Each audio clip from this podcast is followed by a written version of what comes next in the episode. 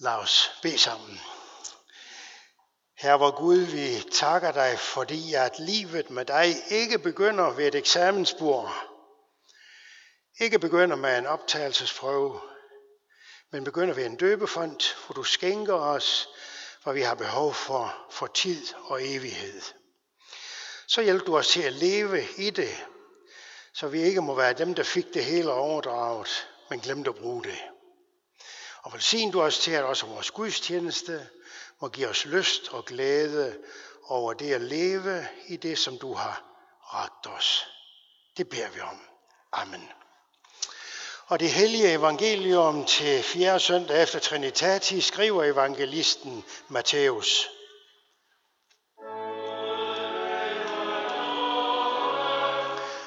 Til glædelige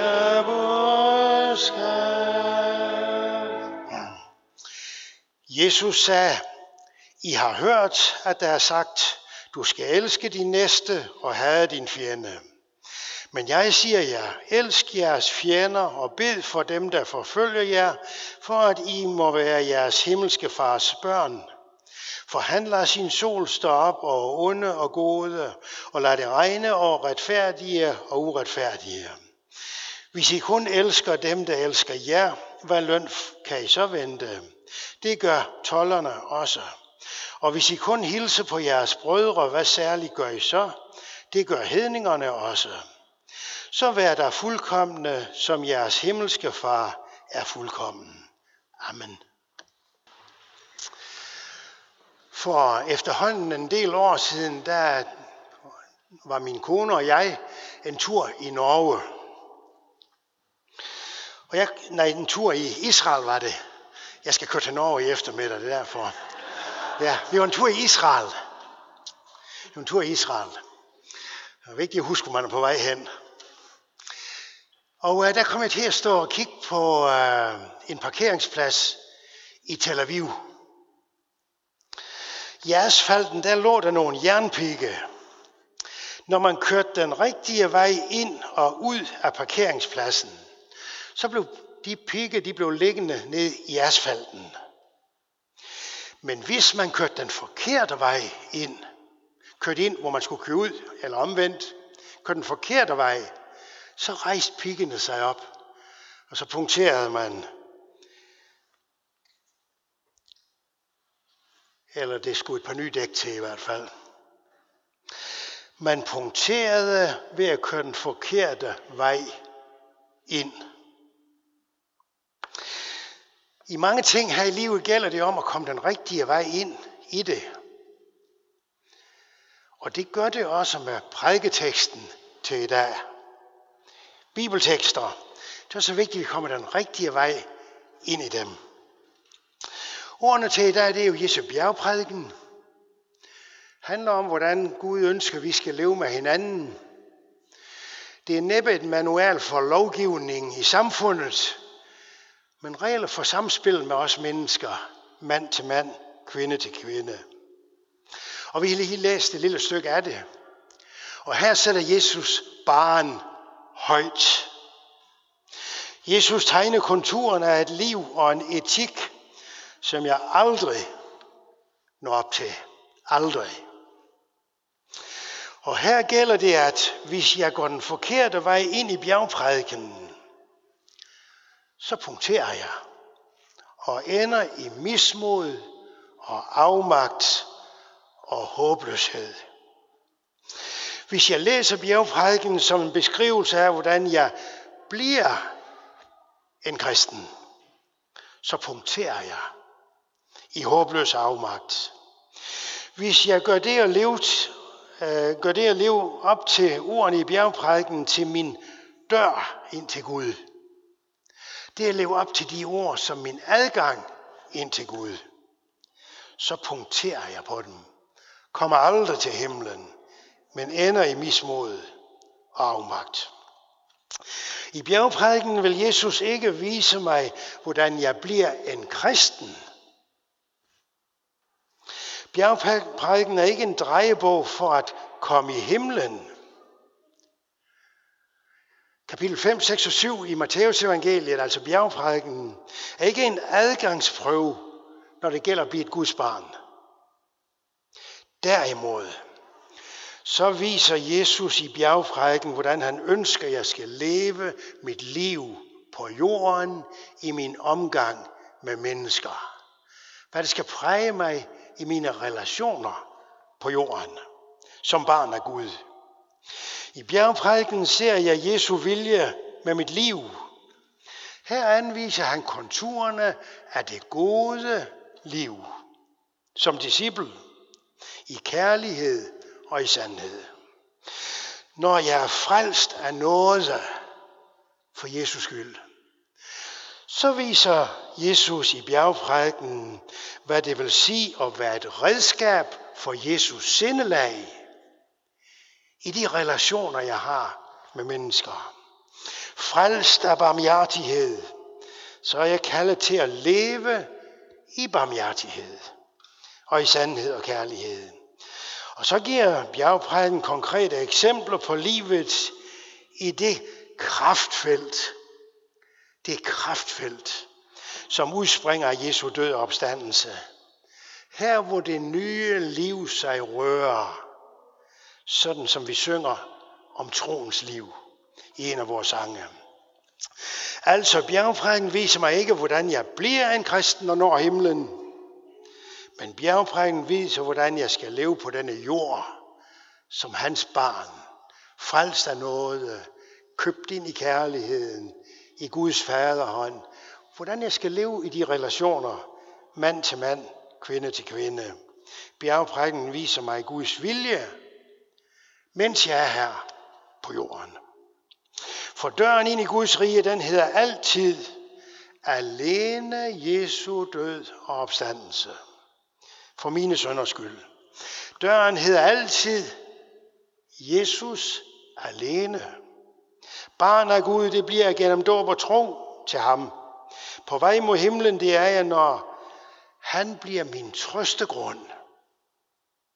Og at have Jesus som min trøstegrund, det er det, vi kalder tro.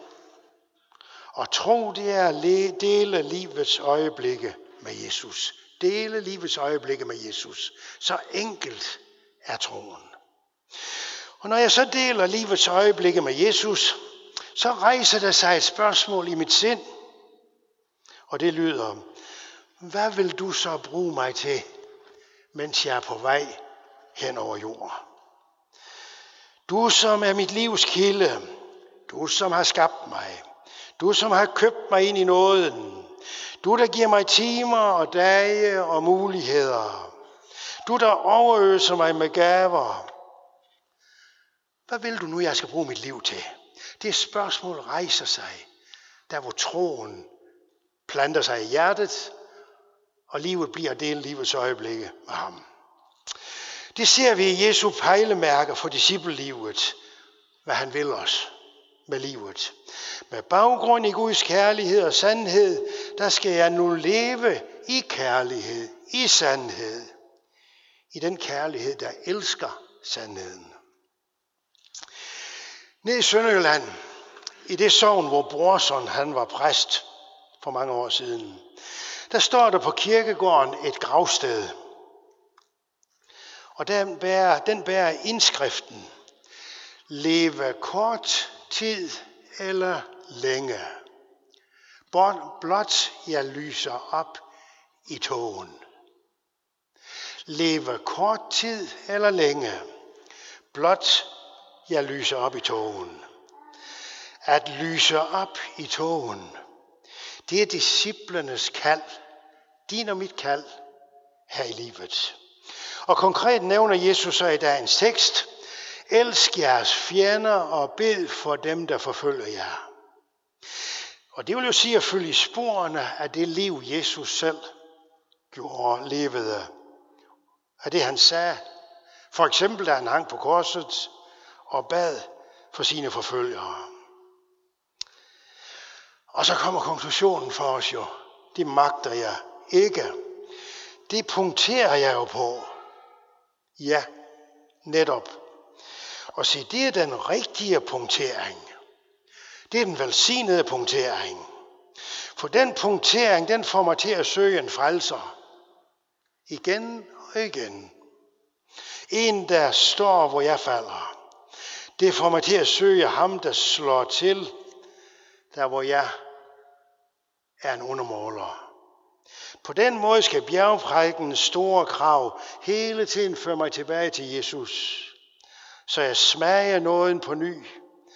Jeg får nye kræfter gennem, dåben, gennem nåden, og bliver et eksempel på det nye liv, der rører sig. Nu skal jeg lige se. Jo, der står to store lys på alderet. Der står faktisk vist fire her i Herning Kirke. I almindelighed så står to store lys på alderet. Man har fra gammel tid sagt om det lys, der står i, i nordsiden, at det er lovens lys. Og tilsvarende at det lys, der står i sydsiden, den varme side, det er evangeliets lys. Mellem disse to store lys står præsten. Mellem disse to lys lever vi som kristne. Lovens lys, der fortæller mig, at jeg er en sønder. Evangeliets lys, der skænker mig søndernes forladelse, nåden. Og se, troen den lever af at være i denne bevægelse. Troen lever i bevægelsen mellem at komme til kort og komme til nåden. Troen lever i denne bevægelse, for den holder mig hos Jesus, og så fødes barmhjertigheden ud af, at jeg selv lever af denne barmhjertighed. Og jeg ønsker at give for intet alt det, jeg får for intet. Og spørgsmålet rejser i vores hjerter, Jesus, det du, der gjorde alt for mig. Hvad kan jeg nu gøre for dig? Hvad vil du med mit liv? Hvorfor er jeg her? Og svaret, ly, svaret lyder, du er her for at lyse op i togen. Jeg er her for som stjernerne at hænge ved himlen og lyse på jorden. Derfor slår mit hjerte, derfor min puls, derfor lever jeg. Se, derfor er der altid en mening, en god mening i det at leve i troens relation til Jesus. Og bjergprægen den indeholder de konkrete anvisninger for nogle livssituationer. For eksempel når jeg står over for en, der er mig fjendsk, eller en, der ikke kan lide mig, eller en, jeg ikke synes om, der skal jeg lyse op i togen ved at vise ham Jesus sindelag. Det jeg selv lever af, den nåde og barmhjertighed, jeg selv lever i. Den sentens, hvor i det hedder, at gengælde godt med ondt, det er djævelsk. At gengælde ondt med ondt, det er menneskeligt. At gengælde ondt med godt, det er guddommeligt. Og det sidste, det er vi kaldet til som Guds børn. Søndagen i dag her midt i ferietiden, den kaldes for barmhjertighedens søndag. Og den siger til os, husk det nu. Husk det nu. Du lever selv af Guds barmhjertighed. Du er frelst af Guds barmhjertighed. Du er barn af Guds barmhjertighed. Du har lov at ånde i Guds barmhjertighed. Lev nu det ud, som du får lov at leve i. I min der det var før iPad'enes tid og mobiltelefoner, der havde vi en, en børneleg, som, betød, at vi, som bestod i, at vi stod rundt i en rundkreds. Og så holdt vi hinanden i hånden. Og så skulle den ene trykke den næste i hånden, og den næste skulle trykke den næste igen. Man skulle sende videre. Sende videre. Vi lever for at sende videre. På den måde skal vi lyse op i togen. I en salme af Brorsen synger vi, om denne sag skal kærlighed sin prøve stå, der må den til sin fjende gå. Under 1. verdenskrig, det fortælles fra 1. verdenskrig om de finske soldater.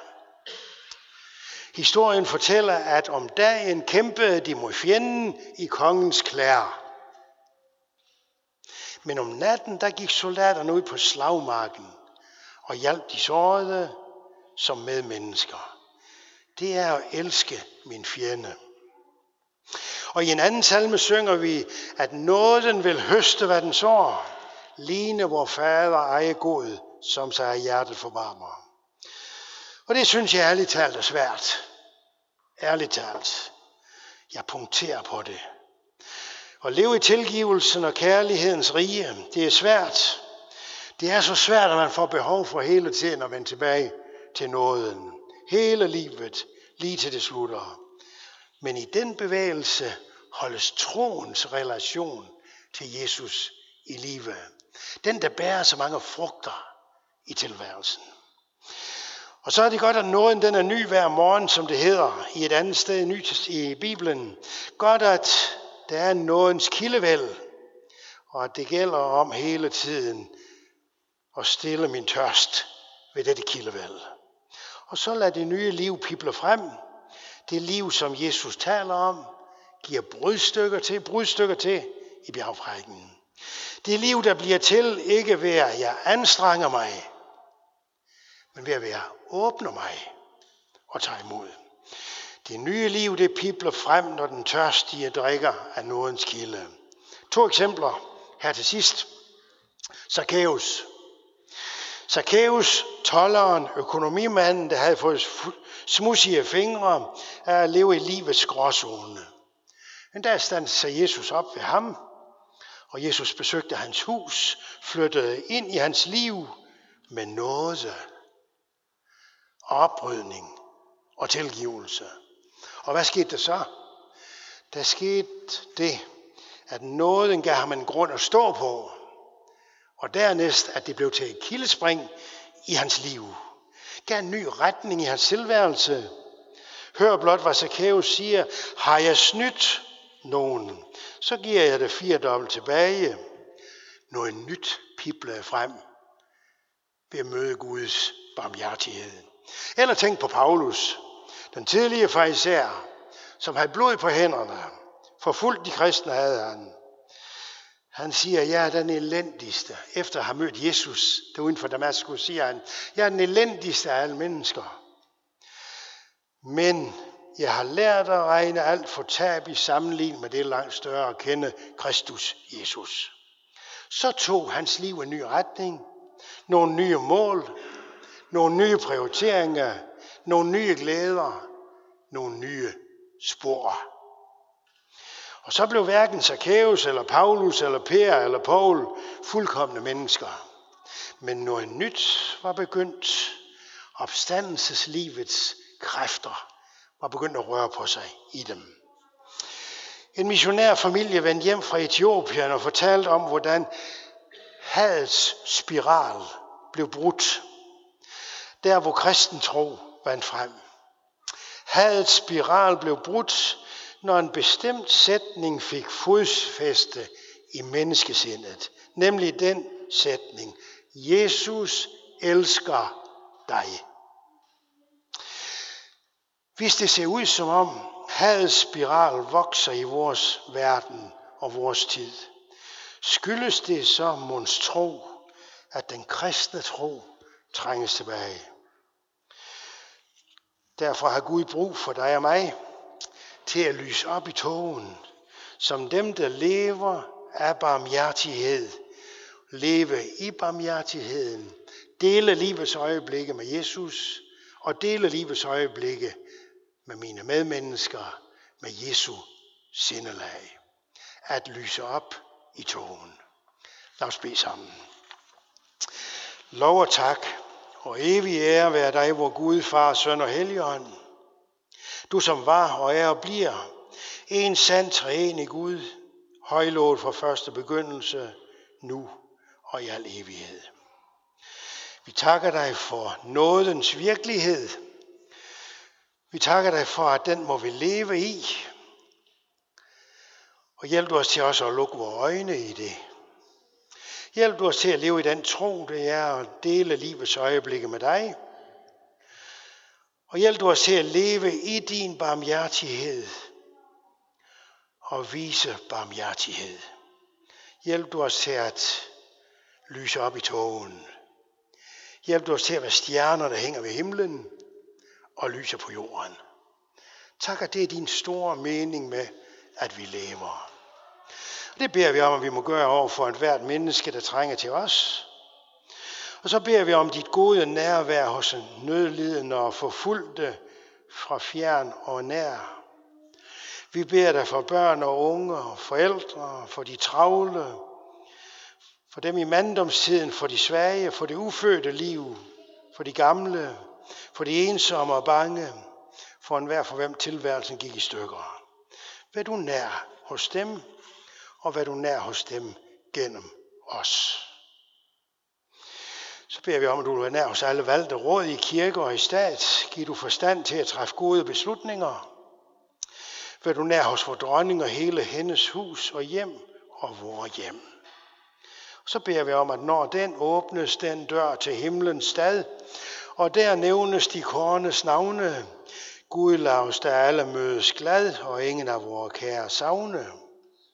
Det under os Gud for Kristi blod, vi måtte i himlen havne. Amen.